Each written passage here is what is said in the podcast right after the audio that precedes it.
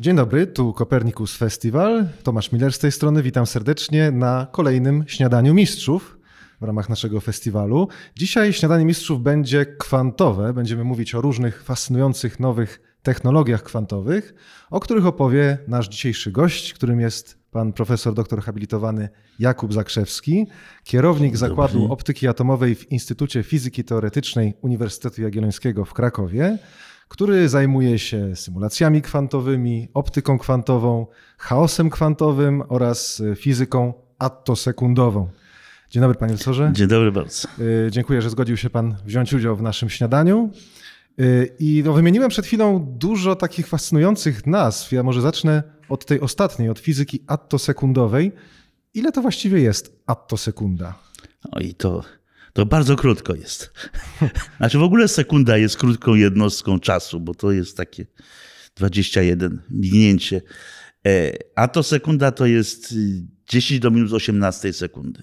Czyli to jest jedna. Jedna, e, nie wiem jak to powiedzieć, ale to może inaczej. E, Nanosekunda to jest taki obiekt standardowy w fizyce prawie. E, To jest 10 do minus 9 sekundy, czyli to jest jakbyśmy e, w stosunku do sekundy nanosekunda to jest to samo, co atosekunda w stosunku do nanosekundy. E, Czyli to jest taka, taka gradacja, jak gdyby o 9 skal.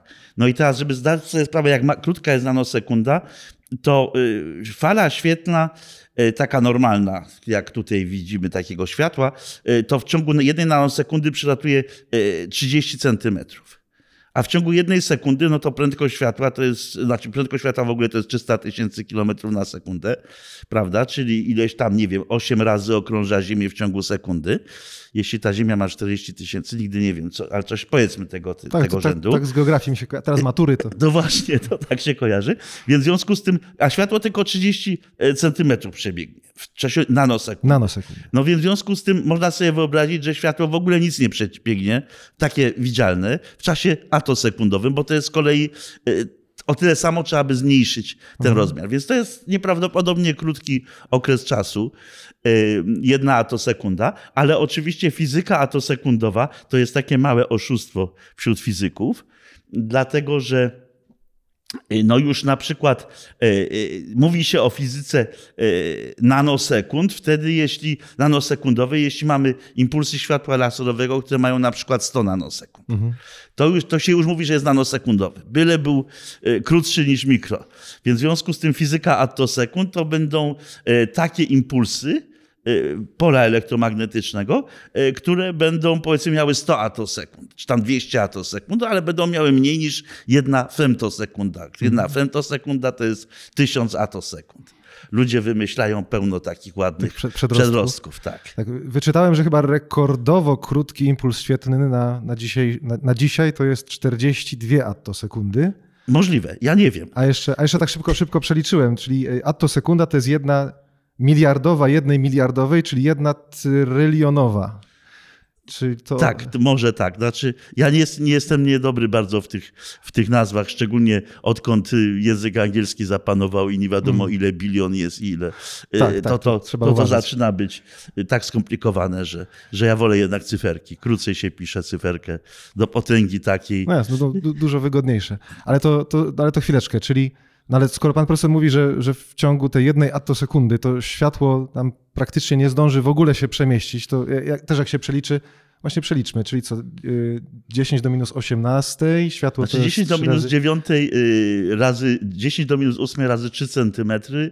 Y, Centymetr to ma ileś milimetrów? trzy- 10, y, trzy- czyli trzy 10 do minus angstremy. 7 milimetra, czyli koło mikrona. Prze, prze, jeśli przeleci światło, bo światło niezależnie od częstości porusza się z, z tą samą Tak, prędkością. oczywiście, oczywiście. E, więc w związku z tym to, e, to nie jest normalne światło, które w tej. Znaczy to, ta fizyka atosekund to nie jest fizyka promieniowania e, w nasz, w, e, o częstościach fal takich, jakie widzimy. A bo te fale są Tylko, za długie już e. Te, dokładnie, znaczy chodzi, te fale muszą mieć bardzo wielką częstość, e, żeby można było e, mówić o fizyce e, e, femtosekund czy atosekund. I teraz po co to się robi? No, Właśnie.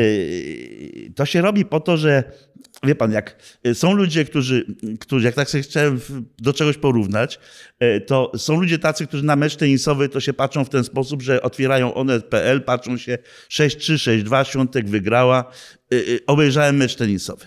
Czyli wiedzą, jaki jest kto na początku, ewentualnie z kim gra i wiedzą, jaki jest wynik. No a są ludzie, którzy otwierają telewizor i patrzą się, badają, jak to w czasie rzeczywistym przebiega mówiąc językiem fizyka. No tak samo jest z bilardem, prawda, że, że z, y, jak się zderzają kule bilardowe, y, no to można by pomyśleć, no, no tu jest uderzony kijem, tam wpada do dziurki, ale cała y, interesujące zjawisko zachodzi, jak te bile się zderzają. Jedna się kręci, druga się nie kręci, zakręcają pod dziwnymi kątami. Dziwne rzeczy się dzieją. No i teraz e, w świecie e, tym mikroskopowym, no to mamy takie sytuacje w molekułach na przykład, że dwie, dwa atomy się zbliżają do siebie, zachodzi zderzenie, sformowanie molekuły albo, albo te, ta molekuła nie powstaje. Cząsteczka wody, na przykład, jakbyśmy sobie wyobrazili, że takie H2 się zderza z tlenem, e, cząsteczka wodoru z tlenem, no to wówczas może powstanie woda. No, ja bym tego nie robił, bo to dość jest, oba materiały są same w siebie dość wybuchowe. E, natomiast może, na, to chodzi tylko o przykład. E, I, i chcemy zobaczyć, jak, ta, jak ten proces przebiega. No to wówczas już musimy pójść do skal 10 do minus 12 sekundy, czyli do pikosekund. E, albo nawet femtosekund, dlatego że, e, znaczy może do pikosekund, dlatego że e, to jest skala czasowa, na której te zjawiska przebiegają w normalnej temperaturze. Czyli tworzenie, no tworzenie się wiązań chemicznych to są pikosekundy. To są mniej więcej takie molekularne procesy, to są pikosekundy.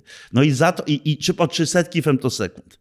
I za to taki uczony Cywil dostał z chemii e, Nagrodę Nobla bodajże w 1980 czy 1979 roku, coś takiego. Właśnie on pierwszy zrobił taką spektroskopię. No i następnie, i ludzie chcieli wchodzić jeszcze bardziej. Jak się popatrzymy na, e, na e, policzylibyśmy sobie klasycznie z modelu Bora, bo do tego nie trzeba e, mechaniki kwantowej, żeby sobie oszacować skalę, z jaką prędkością się porusza elektron i jaki jest okres obiegu elektronu w atomie wodoru mhm. na pierwszej orbicie, to jest z rzędu femtosekundy właśnie. Mhm. Czy nawet mniej. Więc w związku z tym, jak się by chciało tego typu fizykę yy, związanych nisko stanów elektronowych padać, no to są femtosekundy potrzebne, już takie krótkie femtosekundy. Mhm. Natomiast jak się chce popatrzeć na procesy, że jakieś silne rentgenowskie promieniowanie wybija y, elektrony z wewnętrznych powłok, gdzie tam są jeszcze większe energie, to zwykle jest tak, że większe energie wiążą się z krótszymi czasami w jakiś sposób. No i, i w związku z tym do tego to potrzebne, do takich procesów, które y, badają dynamikę zachodzącą na większych skalach energii, to potrzebne teoretycznie są, y, są impulsy promieniowania elektromagnetycznego, ale to już są jakieś promieniowanie rentgenowskie, czy, czy y, o, o dużej częstości promieniowanie, właśnie w skali atosekundowej. No i takie impulsy, to jak przeczytałem też przygotowując się, może nie przygotowując się, ale odświeżając sobie wiedzę, to właśnie się dowiedziałem, że, że jest taki Węgier, znaczy wiem, że jest taki bardzo znany fizyk Krausz w Monachium, e, który pierwszy takie impulsy zrobił lat temu 20. No i, i, i ciekawostką jest to, że w tym roku dostał nagrodę Wolfa, tak, tak. a nagroda Wolfa to jest taki e, jak się chce dostać Nobla, to trzeba najpierw dostać Wolfa. Tak, to jest dobry prognostyk. To jest dobry, znaczy może nie trzeba, ale jest to, nie jest to warunek konieczny, ale jest duża korelacja między nagrodą Wolfa, a w następnym roku, czy kilka lat później, jak ktoś dożyje, no bo tak. trzeba dożyć, to jest, to, to jest nagroda Nobla. Więc to pokazuje, że i teraz, co, co zabawniejsze, to, to nie jest, mm, ja bym powiedział, że tam nie ma nowej fizyki w tym, co zrobił Krausz w, tej, w, tych atos, w zrobieniu tych impulsów. To jest y, maestria najwyższego rzędu techniczna. Znaczy dobranie materiałów odpowiednich, odpowiednich luster o, o bardzo ciekawych fizycznych własnościach i tak dalej, żeby być w stanie tak, tak ścisnąć ten impuls, żeby e, i tak go wygenerować poprzez wtórne procesy, bo to, to nie jest tak, że, e, że on sam z siebie powstaje, tylko, tylko najpierw się robi impulsy dłuższe, tymi dłuższymi impulsami się generuje procesy fizyczne, które te procesy generują krótsze impulsy. I, I, w ten sposób na, na, na tej ścieżce na końcu powstaje jakiś taki atosekundowy twór, który można użyć do, do badań w medycynie, czy, e, czy dla badań e, stanów głęboko e, związanych w atomach, czy może do fizyki jądrowej, bo już to dochodzi do takich energii, że, że można sięgać może do fizyki jądrowej, co byłoby przyjemne. No właśnie, czyli spróbujemy podsumować. Czyli chodzi o to, żeby y, fizyka atosekundowa zajmuje się wytwarzaniem tak krótkich impulsów, już nie światła, tylko jakiegoś miękkiego promieniowania rentgenowskiego, żeby móc uchwycić jakoś na, na filmie, w dużym cudzysłowie, y, procesy, które zachodzą nawet szybciej niż y, tworzenie się cząsteczek, tylko jakieś już takie wewnątrz atomu, jakieś wybijanie elektronów, bo, bo po tak, prostu te procesy znaczy, są tak szybkie. Tak, tak jest. Znaczy na przykład próbuje się, jest taki proces kwantowo-mechaniczny podstawowy, który nazywa się tunelowaniem. Mhm. Czyli jest zakaz, e, e, normalnie cząstka, jeśli porusza się z, e, z energią taką, że ma mniejsze niż, niż górka potencjału, no, no normalnie cząstka, jak my idziemy na rysy, no to chcemy przejść, wejść na rysy. Zawsze chciałem, nigdy nie wszedłem, bo mam, mam lęk wysokości już w tej chwili. E, to, to trzeba przejść przez narysy i zejść z drugiej strony ewentualnie, jak Słowacy puszczą.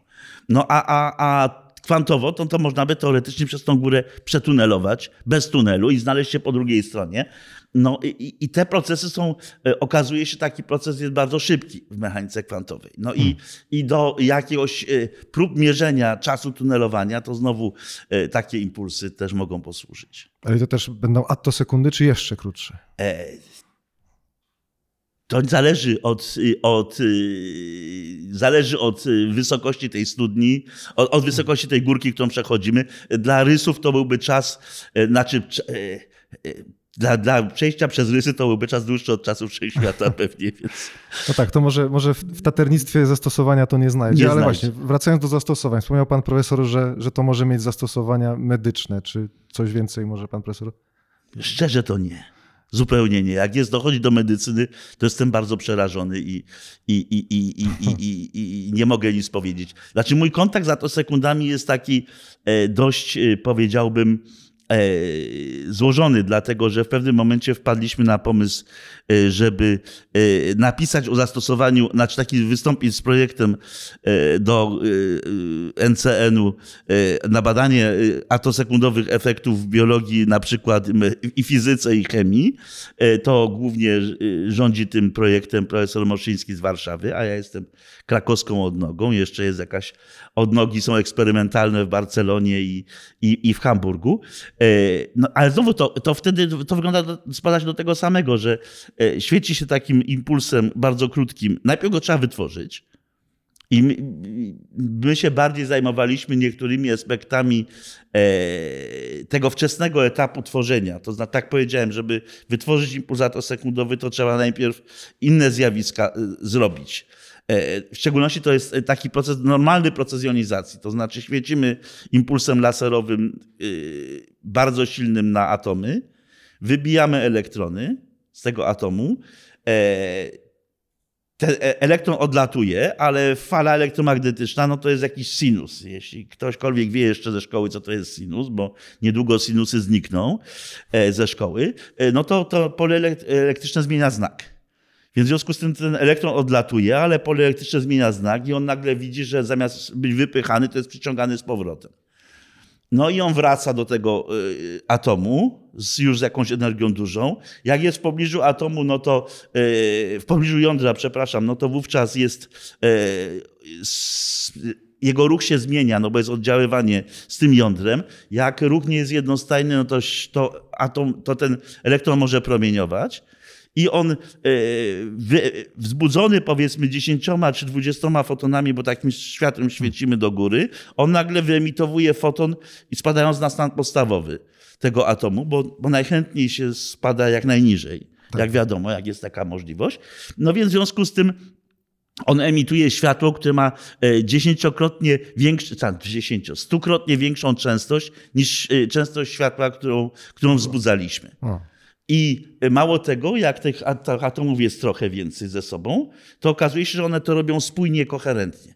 i w ten sposób można wytworzyć koherentne wiązki światła. To światło jest krótkie, już jest ta, takie światło, już będzie pikosekundowe na przykład i to jest takie światło generowane przez, y, przez y, wyższe tak zwane harmoniki, czyli wyższe, y, o znacznie wyższych częstościach. I to będzie spójne światło. I teraz to światło, które już będzie miało jakieś pikosekundy, a taki eksperyment, znowu to jest eksperyment na takim stole, a nie y, w wielkim y, Akceleratorze. akceleratorze, y, można znowu wykorzystać do wtórnego wytworzenia kolejnych, jeszcze węższych impulsów. No i takimi rzeczami z tej strony, że tak powiem, to jest to, co ja się, ja, czym ja się zajmowałem, a nie bezpośrednio zastosowaniami w medycynie, bo jakiekolwiek zastosowania to, to, to niestety w moim przypadku kończą się źle. Rozumiem. To jeszcze tak, żeby, żeby podsumować, to mi się skojarzyło, jak teraz pan profesor opowiadał o tym właśnie wzbudzonym elektronie, który emituje potem dziesięciokrotnie, stukrotnie bardziej energetyczne światło niż to, który został pobudzony, czyli taki, można powiedzieć, że, taki, że to jest taki atomowy flash, atomowa lampa błyskowa, za pomocą której możemy zrobić zdjęcie tych ultraszybkich procesów. Czy... Tak, no można coś takiego tak powiedzieć, że można tak wytwarzać. No, są- są konkurencyjne metody, bo można wykorzystywać e, tak zwane lasery na swobodnych elektronach. To znowu jest inne urządzenie, które e, wymaga akceleratora, żeby te elektrony odpowiednio przyspieszyć. No i, i, i to są duże, du, dużo gabarytowe e, że tak powiem, eksperymenty wymagające wielkiej aparatury. I właśnie w tym naszym projekcie jedna e, z współpracownic, powiedzmy, taka pani profesorka Legari, e, to właśnie przyniosła się z Włoch do Dezji, do, do Hamburga, bo tam jest akcelerator, żeby tam rozwijać e, swoje eksperymentalne badania właśnie takich bardzo krótkich impulsów. Nie, ale to ja bym jednak chciał zostać na takich, takich mniejszych eksperymentach mieszczących się na stole i przejść może do, do drugiej z tych dziedzin, o której wspomniałem, przedstawiając pana profesora, a mianowicie do symulacji kwantowych. O komputerach kwantowych mówi się obecnie bardzo dużo. O nich też pewnie za chwilę porozmawiamy, ale na początek chciałbym spytać, co to są symulacje kwantowe? Bo jak rozumiem, nie chodzi o symulowanie mechaniki kwantowej na takim zwykłym komputerze. Tak jest, to nie, nie o to chodzi. E, e, Symulatory kwantowe to jest tak jak, o, jakby to powiedzieć, jak mamy, mamy komputery, to komputer to jest takie urządzenie, któremu zada, możemy zadawać szereg różnych pytań i on daje różne odpowiedzi. Bo wkładamy różne programy do niego, tak? I w związku z tym e, raz ten komputer będzie e, wyliczał, e, nie wiem, ile jest restauracji w Krakowie i, i, i, i, i znajdywał w jakiejś bazie danych, gdzie najlepsze tam, nie wiem, coś jest, wątróbki na przykład, y, gęsie, y, a y, możemy temu kom- komputerowi kazać coś policzyć, a możemy mu dawać jakieś inne zadania. E, Symulator to jest coś takiego, takie zjawisko, które symuluje konkretnie dany proces. Mhm, Tak, Czyli mamy wyspecjalizowany. ko- wyspecjalizowany komputer pod, y, wąski pod jednym, e, pod jednym kierunkiem. No i idea pochodzi znowu od takiego pana Feynmana, który od tego dużo rzeczy pochodzi, dlatego że gadułą był i dużo mówił i mądry był jeszcze. E, No i, i, i, i to właśnie od niego pochodzi taki pomysł, że, że nie jesteśmy, są, są efekty fizyczne na tyle skomplikowane, że nie jesteśmy ich w stanie w rozsądnym czasie policzyć na komputerze. Mhm, Takim cyfrowym, normalnym. Na komputerze. takim normalnych, y, nawet szybkich komputerach nie jesteśmy w stanie tego wysymulować, wyliczyć, jak to będzie przebiegało. No więc y, idea jest taka, że y, jesteśmy w stanie policzyć na przykład układ 10 cząstek. Dobrze? E, No to wobec tego robimy eksperyment, budujemy aparaturę i chcemy dokładnie ten układ 10 cząstek zmierzyć eksperymentalnie. I porównujemy teorię z eksperymentem. E, Musimy stawiać te same pytania, mniej więcej. Znaczy, na komputerze musimy stawiać eksperymentalne pytania. E, Jakie będzie, nie wiem, e, rozkład pędu cząstek w, danym, w, jak, w jakimś miejscu, albo czy ich więcej pójdzie w lewo, czy w prawo. Odpowiednio skomplikowane pytania, żeby, były, żeby przyniosły dla nas interesującą informację. I to samo musimy zmierzyć w eksperymencie. A następnie w eksperymencie nie mamy ograniczeń, więc z tych 10 cząstek idziemy do 100 cząstek, których już nie jesteśmy w stanie policzyć, ale jesteśmy w stanie zmierzyć te same wielkości, które mie- mierzyliśmy. Mamy ten eksperyment wykalibrowany pod, przez porównanie z eksperymentem i mamy w związku z tym e, eksperymentalnie urządzenie, które może da, nam dać te odpowiedzi, których nam nie daje komputer. Klasyczne. czyli- czyli to sum- tak działa. to Tak, tak, I teraz moją rolą w tym wszystkim jest, jest, y, są obliczenia w tych małych stosunkowo układach, albo dla na przykład dla krótkich czasów, dla dużych układów, bo to też tak sobie można wyobrazić, że jesteśmy w stanie coś przewidzieć y, na krótkich skalach czasowych, no bo liczymy na tym komputerze przez tydzień, ale nie możemy coś, co będzie przebiegało przez powiedzmy 100 atosekund. E, Natomiast e, nie jesteśmy w stanie policzyć tego, co, jak długo, co będzie trwało, działo się w ciągu sekundy. Więc w związku z tym możemy zgrać sobie obliczenia z eksperymentem do perfekcji możliwej. No oczywiście to nigdy nie jest perfekcyjne, to jest dalszy problem, ale zgrać jakoś, żeby odtwarzało się coś w skali krótkoczasowej i następnie mieć nadzieję, ponieważ mechanika kwantowa jest liniowa i jest, i jest przewidywalna do przodu, w przeciwieństwie do mechaniki klasycznej. Yy, Więc, yy, więc w związku z tym jesteśmy w stanie oczekiwać, że, że py- odpowiedzi na pytania długoczasowe uzyskamy z tego eksperymentu. Czyli, czyli w tym symulatorem kwantowym jest właśnie ten układ 100 cząstek. Tym który- symulatorem kwantowym y, de facto jest zwykle układ eksperymentalny, którym y, mierzymy efekty, które nie jesteśmy w stanie policzyć. Mhm. Ale to powiedział pan profesor coś, coś intrygującego, że, że mechanika kwantowa jest przewidywalna, a tak w popularnym wyobrażeniu to właśnie Wiedziałem, Właśnie że pan, jest- jest- ja to specjalnie tak sobie rzuciłem takie, A ja- a ja takie tak. y, jak to powiedzieć, kontrowersyjne stwierdzenie. No dlaczego? Dlatego, że mm, jeśli y, wiemy od czasu, od, od tego czasu, jak pewien pan stał się głodny, y, jakiś pan Lorenz puszczał sobie równania nieliniowe na komputerze takim, takim kręciołku prawie y, w latach 60. E, No i, i, i zapisał sobie wynik, jaki miał, poszedł zjeść, wrócił, puścił od tego wyniku dane i wychodziło zupełnie coś innego niż poprzednio. No i, i, spotkał się z czymś takim, co się nazywa chaosem, o którym wspominaliśmy na początku, czyli y, dużą y, równania klasyczne, równania Newtona, takie co znamy w szkole, y, bywają sytuacje, znaczy w większości sytuacji one są nieliniowe.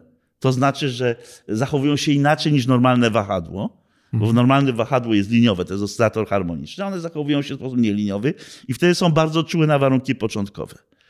I jeśli są tak czułe na warunki początkowe, to wówczas minimalna zmiana warunków początkowych powoduje, może powodować duże różnice w zachowaniu na dużych odległościach, ponieważ komputery nasze mają skończoną precyzję, powiedzmy 16 cyfr znaczących, więc ta 17 cyfra znacząca, e, której nie ma w komputerze, która jest generowana przez szum elektroniczny, ona może po pewnym czasie prze, e, tak się przenieść do przodu, do, do, do tych początkowych cyfr znaczących, że y, da zupełnie inną odpowiedź. I dlatego czasami nam wyliczają, że będzie y, taki typowy przykład układu chaotycznego, to jest, to jest nasza pogoda i klimat. Więc w związku z tym y, jest przewidywanie, że będzie deszcz.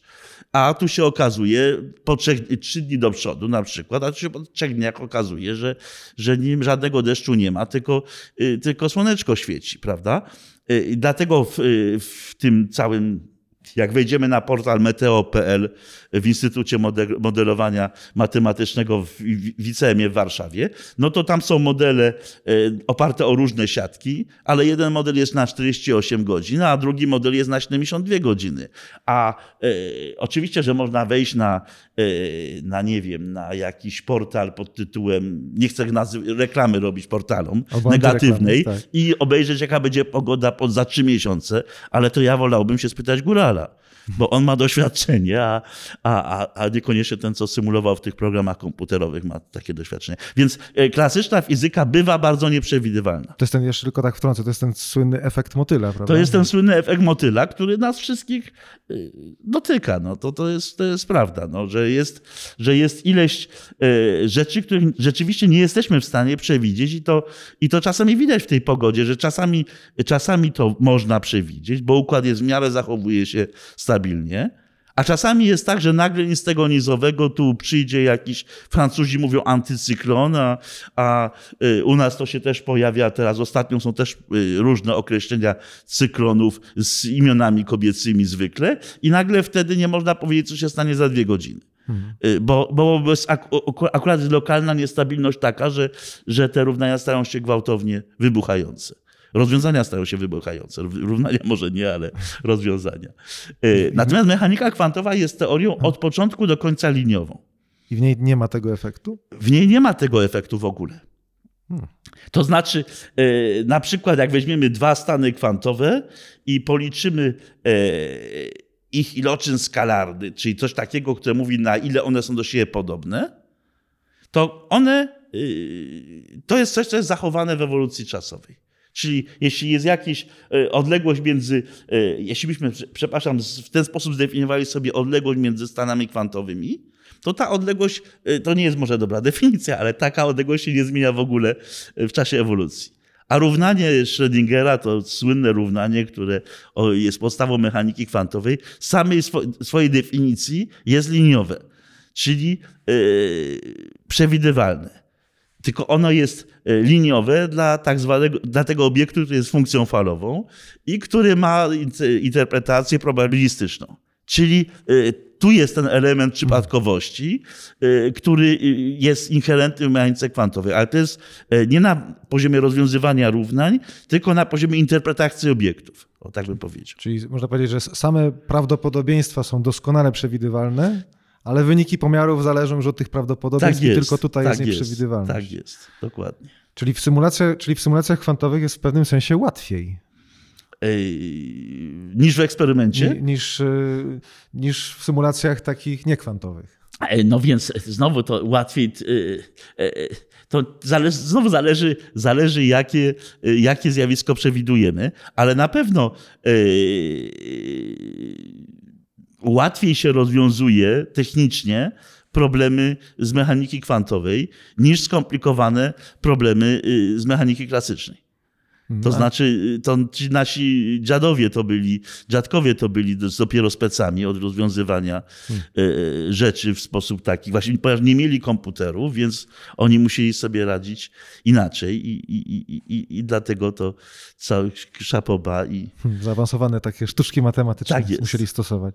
No ale to e, chwileczkę, bo teraz bo chciałem jakoś przejść do komputerów kwantowych, bo ilekroć się słyszy i mówi o komputerach kwantowych, to tam jednak no, inżynieryjnych problemów jest mnóstwo do rozwiązania, bo żeby taki komputer kwantowy działał i jak, jak sobie wyobrażam, żeby taka symulacja kwantowa też działała, no to na przykład te wszystkie cząstki muszą być zimne, odizolowane od otoczenia, bo te wszystkie kwantowe efekty ulegają bardzo łatwo zniszczeniu, jeśli, jeśli nastąpi jakieś oddziaływanie z otoczeniem.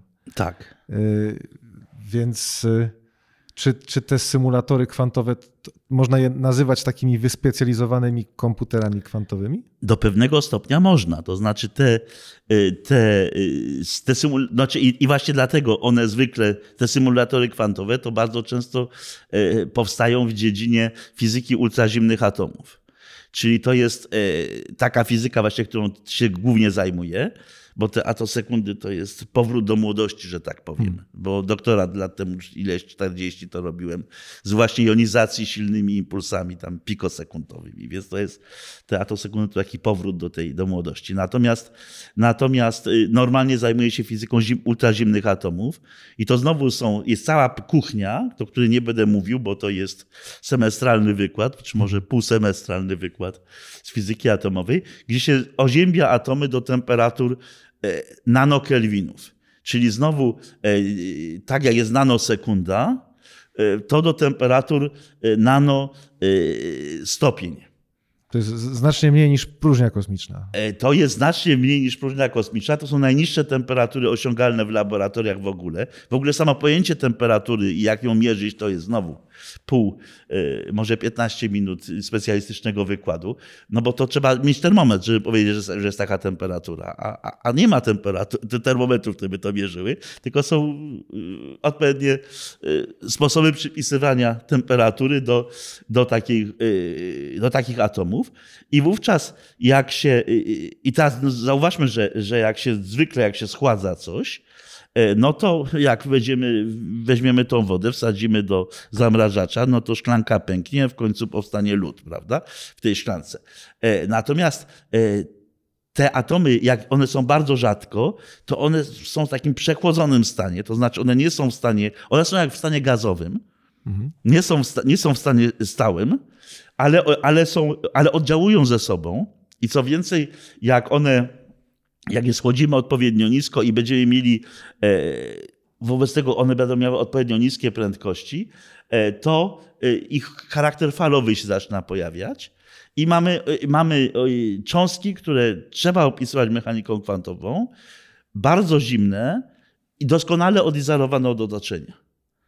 No i następnie możemy z nimi coś robić. Czyli ma, możemy na przykład mieć tak zwany kondensat Bożego Einsteina, który jest bardzo modnym obiektem, nowy stan materii i, i tak dalej. Y, a można te atomy, y, zamiast patrzeć na tę globalną chmurę, to można spróbować je jakoś poukładać te atomy, żeby zbudować y, urządzenie, które następnie może na przykład zadziałać jako komputer kwantowy. Czyli musi mieć, musi, mieć te, y, musi mieć te podstawowe elementy, czyli kubity tak zwane, prawda? Czyli jednostki informacji.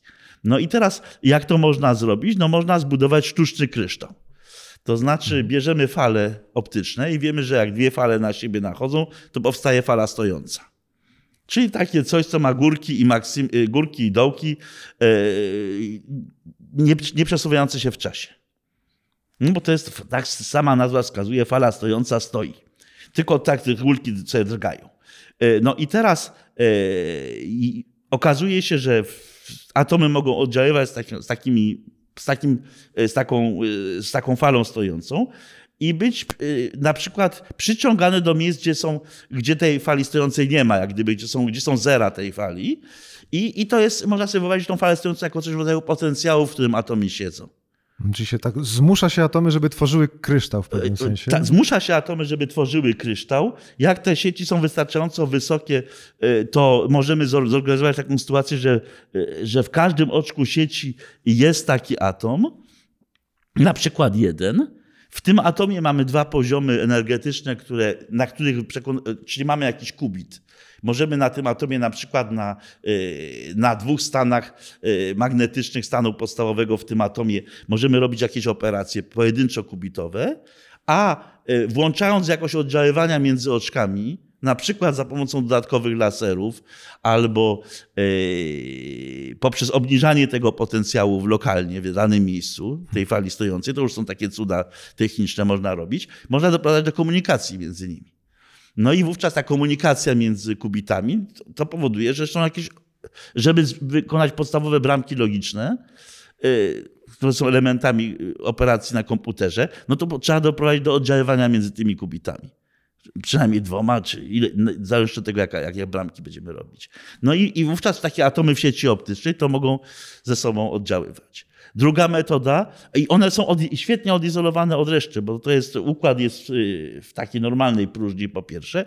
Po drugie, no, y, y, tą fizykę można robić na skali sekund, rzeczywiście. To znaczy, można przez wykonywać koherentną y, mechanikę kwantową na skali sekund. Nie atosekund, tylko sekund. To jest, tryliardów atosekund. To jest, to jest piękne, że można, można yy, sekundy robić. Następnym takim urządzeniem to jest zupełnie inny charakter. Ma, ma urządzenie, ta zwana pułapka jonowa.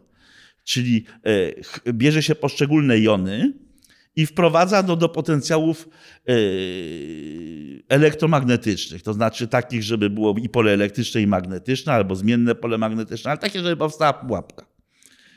Lokalny potencjał, efektywny potencjał, w którym jon będzie siedział.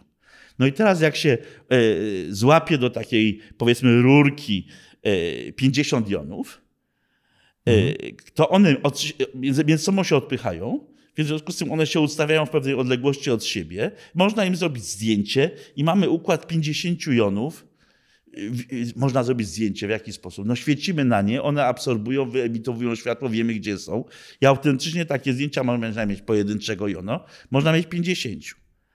I teraz na każdy, każdy jon to znowu jest jakiś, można na nim zbudować jeden kubit. I one poprzez oddziaływanie, to właśnie, które je ustawia też, elektro, elektrostatyczne w sumie, można przez to przekazywać im, e, między nimi wykonywać operacje. No i takie układy, takie symulatory, powiedzmy 50-jonowe, to, to istnieją. To znaczy, y, to, to jest y, y, no takie w ciągu ostatnich pięciu lat prace w tych tak zwanych chwytliwych periodykach, czyli Nature i Science, to, to właśnie pokazują symulatory na powiedzmy 51 jonach. No bo da się, jak powiedziałem, da się policzyć, na przykład dla takiego pojedynczego kubitu, czyli spinu, to możemy policzyć na normalnym komputerze, wysymulować, no może y, z 20. Mhm. Jak się uprzemy. Dobrze? Jak weźmie się zdolnego doktoranta, to nawet zrobi więcej. E, natomiast, y, natomiast, y, ale to oczywiście bardzo długo trwa. Natomiast zbudować układ, w którym, e, żeby ta, ta sieć optyczna zawierała 50 czy 100 atomów, to w tej chwili nie jest problemem. Hmm. To, to po prostu się, się, się robi w laboratoriach e, na skalę. A następna rzecz jest taka, że można jeszcze lepiej robić. Mianowicie można e, poszczególne taką pułapkę optyczną robić dla pojedynczego atomu w ten sposób, się zrobi bardzo skoncentrowaną wiązkę laserową. Ona ma ponieważ jest skoncentrowana, to ma rozkład natężenia, y, no bo w środku jest naj, najmocniejsze, a na zewnątrz jest słabsze. I, I to coś tworzy efektywny potencjał. Mhm.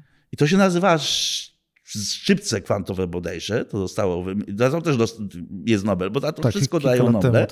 E, I, i, I też szczypcami optycznymi można chwytać pojedyncze atomy i je sobie układać.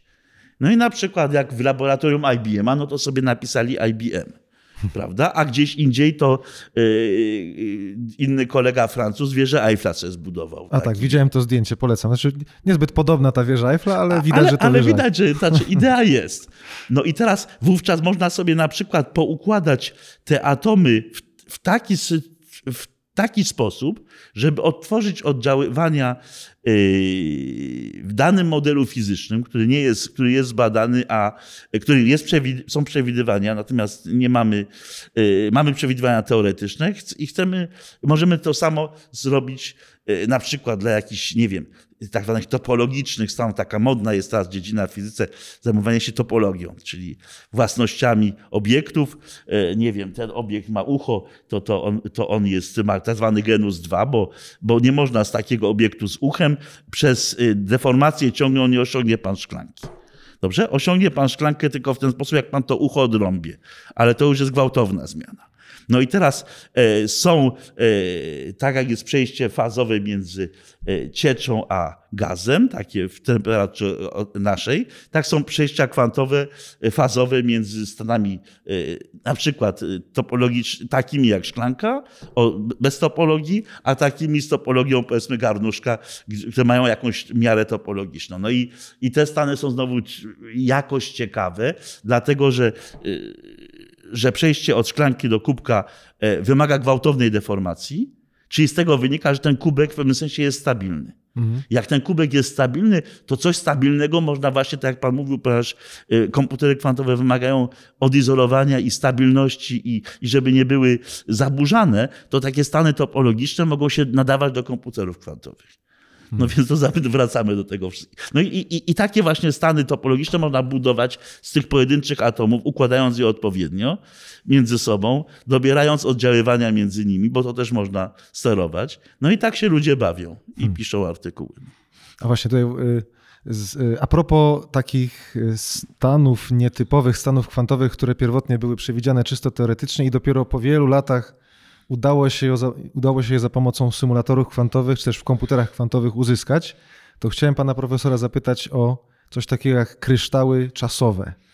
Y, bo, bo to chyba też właśnie tak z nimi było, że najpierw gdzieś tam na początku, tam gdzieś 10 lat temu, noblista Frank Wilczek y, zapostulował, że takie układy, właściwie zaraz zapytam, czym to właściwie są takie kryształy czasowe, że można stworzyć i dopiero jakoś ostatnio e, udało się je skonstruować, bo w naturze nie występują. Jak to jest z tymi kryształami czasowymi? Się, czy ja w ogóle dobrze tłumaczę time crystal? E, nie, dobrze, dobrze pan tłumaczy. Taka jest polskie tłumaczenie, jest, są kryształy czasowe, e, ale jest, są to y, nietypowe obiekty. E, znaczy, ja mam do nich bardzo duże mieszane uczucia. Do, odnośnie kryształów czasowych. Dlatego, że, znaczy po pierwsze kryształami czasowymi to się głównie zajmuje u mnie w zakładzie profesor Sacha, który jest e, takim moim byłym uczniom i, i, i uczniem i, tym, i tej tematyce częściowo się poświęcił. E, mnie, ja się do nich zniechęciłem. E, dlatego, że e, idea Wilczka, która była bardzo piękna w pewnym sensie, to jest coś takiego, że e, normalne kryształy, to, powsta- to znaczy normalny układ, który jest stan podstawowy w mechanice kwantowej takiego rozciągłego ciała, gdzie nie ma określonego porządku nigdzie, no to powinien być symetryczny całkowicie w przestrzeni, bo jest niezmie- bo jakakolwiek zmiana nie powinna niczego powodować. Tak, taki równo rozsmarowany. Powinien. Równo rozsmarowany. Tymczasem weźmiemy sobie, nie wiem, e, mamy kryształy soli, e, diamentu, czegokolwiek, gdzie ta struktura jest jawnie złamana. No bo gdzieś są te jony rozmieszczone w regularnych siatkach. No i to, wy, to wynika z czegoś takiego, że, że jest coś takiego jak spontaniczne łamanie symetrii, tej właśnie nieskończonej symetrii translacyjnej, ciągłej symetrii translacyjnej. Jest ona, y, y, to zjawisko łamania symetrii, znowu to są nagrody Nobla i szereg, e, zachodzi i powstają kryształy. No idea y, Wilczka była taka, że mamy e, ciągłą symetrię w czasie również, translacyjną, no bo czas sobie biegnie w jakiś ciągły sposób. E, I może by się dało złamać tą symetrię translacyjną w czasie, i wtedy byłby obiekt, który byłby e, tak jak kryształ e, w przestrzeni, byłby kryształem w czasie. Czyli miałby jakieś, jakąś periodyczność w czasie. No i teraz, i, tak? i, to, i to wtedy byłoby e, e, o tyle zabawne, że wówczas byłby jakiś e, ruch w, w, tym stanie podstawowym, a taki ruch to ewentualnie by się mógł wiązać z promieniowaniem, albo ten ruch można by wykorzystać, powstały perpetuum mobile. No właśnie, właśnie miałem spytać, czy to przypadkiem no, dokładnie. taki wieczny I ruch... W związku, I w związku z tym no, natychmiast zostało to obalone. Cała idea Wilczka yy, okazała się być niesłuszna w tym sensie, że e, można sobie wyobrazić taki układ, takie zachowanie dla kilku cząstek, kilkunastu cząstek, ale ono, jest, ono nie jest stanem podstawowym. To znaczy, e, po pewnym czasie taki, ta, ten podział na periodyczny kryształ w czasie zostanie rozmyty i układ wróci do stanu, e, który jest podstawowy i który jest jednorodny w czasie. I się, i się czas... nie rusza. I się nie rusza. Kryształów czasowych po prostu nie ma. Mhm. Dobrze? No i wówczas, e, i to zostało udowodnione przez e, najpierw takich pierwszych krytycznych artykułach e, pana Bruno e, z Francji, z Grenoble, a następnie przez dwóch Japończyków szczegółowo zostało pokazane, że, że, że ten, ten twór nie spełnia wymagań, jakich się stawia dla kryształów w standardowej fizyce układów skondensowanych. No i wtedy powstał pomysł inny, pomysł ubogi, to znaczy taki, że, e, że można by znaleźć układy, które e, łamią symetrię w czasie, ale nie, transla- nie ciągłą symetrię, tylko e, symetrię dyskretną. Czyli bierzemy i podłączamy układ do prądu z częstością 50 Hz, czyli zaburzamy go z częstością 50 Hz i w pewnych sytuacjach może się zdarzyć coś takiego, że zamiast, e, żeby mieć okres 1 na 50 Hz, to się okazuje, że wskutek znowu łamania symetrii spontanicznego e, układ może oscylować e, z dwukrotnie większym okresem. Mhm. Czyli ma częstość 25 Hz albo 12,5 Hz. Ale to jest taki twór, w którym narzucamy mu pewną bazową częstość, pompujemy do niego energię i yy, dostajemy czasami zachowania yy, na tak zwanych subharmonicznych, czyli z wyższymi okresami. No i takie coś to, yy, podobne zjawiska są znane w mechanice klasycznej, jak na, tak się nazywa znowu w teorii chaosu takiego klasycznego, tak zwane period doubling. Czyli, że układ normalnie by oscylował z czasem, z okresem T, ale y, okazuje się, że ta oscylacja jest niestabilna i przy zmianie parametrów układu y, staje się niestabilna i wówczas układ oscyluje z okresem 2T. Także i to są te, ta, i takie kryształy czasowe, zostały zaobserwowane w roku 2000 bodajże 16 czy 17 przez dwie grupy, dwie grupy amerykańskie obie chyba amerykańskie, nie chcę skłamać. Tak, tak, obie amerykańskie. E, w takich dwóch artykułach w Nature, jeden po drugim. Hmm. E, I reklamowały się właśnie, one się reklamują albo jako Floke Time Crystal, bo nikt nie wie, co znaczy Floke. Floke to był taki matematyk końca, znaczy Floke to był taki matematyk, który pokazał, że, że jak się zaburza układ w sposób periodyczny, to jego funkcje własne również mają taki charakter charakter periodyczny. Mhm. I, I, analogiem twierdzenia Floke to był chyba rok 1889 w mechanice kwantowej, czyli, czyli normalna, w normalnej mechanice, nie kwantowej. Analogiem tego twierdzenia w mechanice kwantowej i w przestrzeni jest to twierdzenie Blocha, która pokazuje periodyczność kryształów. Więc to wszystko są, e, te, ta analogia między czasem a periodycznością przestrzeni, to to jest e, fizyka sprzed 100 lat. Mhm. Y, y, Podobne struktury matematyczne. Podobne struktury matematyczne, a te kryształy, co się nazywają teraz y, i są popularnie nazywane time crystals w literaturze i są badane, to nie są niczym innym, tylko to są albo floke time crystals, albo są nazywane discrete time crystals, a powinny być nazywane periodycznie napędzanymi, periodycznie napędzanymi kryształami czasowymi. I wtedy było, byłoby to napędzanie, które tam jest, nie byłoby ukryte. Mhm. Obecnie to jest trochę tak, że ono jest, po pierwsze się ukrywa to napędzanie, a na, na przednią twarzą tego wszystkiego jest biedny wilczek, któremu się wytyka, e, nie wytyka się tego, że ta praca była niepoprawna, ale to wszystko jest oparte na, na hmm. innym układzie, więc akurat wilczek w ogóle nie badał dyskretnych kryształów czasowych. No to... tak, ale, ale wyczytałem, y, może, czy może pan profesor skomentować, że to jakoś też nie, niedawny news, że bodajże na tym komputerze kwantowym y, firmy Google, że tam udało się właśnie zasymulować kryształ czasowy. Oczywiście nie, nie wiem, czy to on, on ale, to, ale dokładnie taki sam, to znaczy Aha. periodycznie napędzany.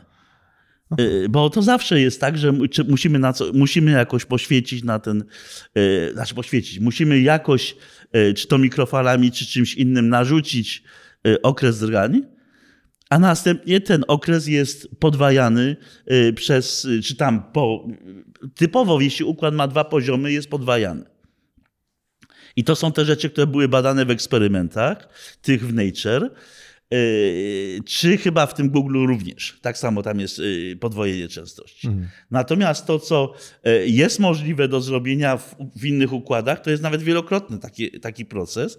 I to właśnie taki eksperyment jest planowany w Australii. Właśnie robi to między innymi profesor Sacha we współpracy z Australijczykami, żeby pokazać w w takim układzie, który jest w pełni analogiczny do, do klasycznego układu, yy, który ma takie podwojenie okresu, czy też zwielokrotnienie okresu wskutek oddziaływania między nieliniowym ośrodkiem, a padającą falą o danej częstości. Ale zawsze musi być ta hmm. podstawowa częstość, musi być dostarczana jakoś energia do tego tworu, żeby, yy, żeby on sobie oscylował. Czyli na perpetuum mobile wciąż nie masz. Nie, nie, nie, ciągle niestety nie, a, a, bardzo by się przydało, bo w obecnej sytuacji e, może by się dało sankcje wprowadzić w sposób bardziej efektywny, prawda, gdyby perpetuum mobile istniało.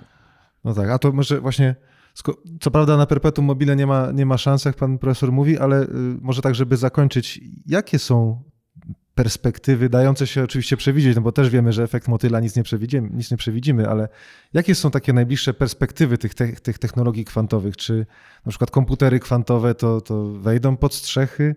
Czy, a przynajmniej będą już nie tylko na takim etapie czysto laboratoryjno-eksperymentalnym? Znaczy, ja bym powiedział tak, że odnośnie komputerów kwantowych to najlepiej odpowie przypuszczalnie profesor Eckert, jak się tu zjawi za, za nie, kilka dni w następnym takim y, programie, czy innym związanym programie, bo to jest światowej sławy specjalista, zresztą też wychodzący z zakładu optyki atomowej. Tak, tak, lat to, temu, tak. Y, dawno. I, i, I on jest od tego specjalistą. E, jakieś te komputery trochę zaczynają działać.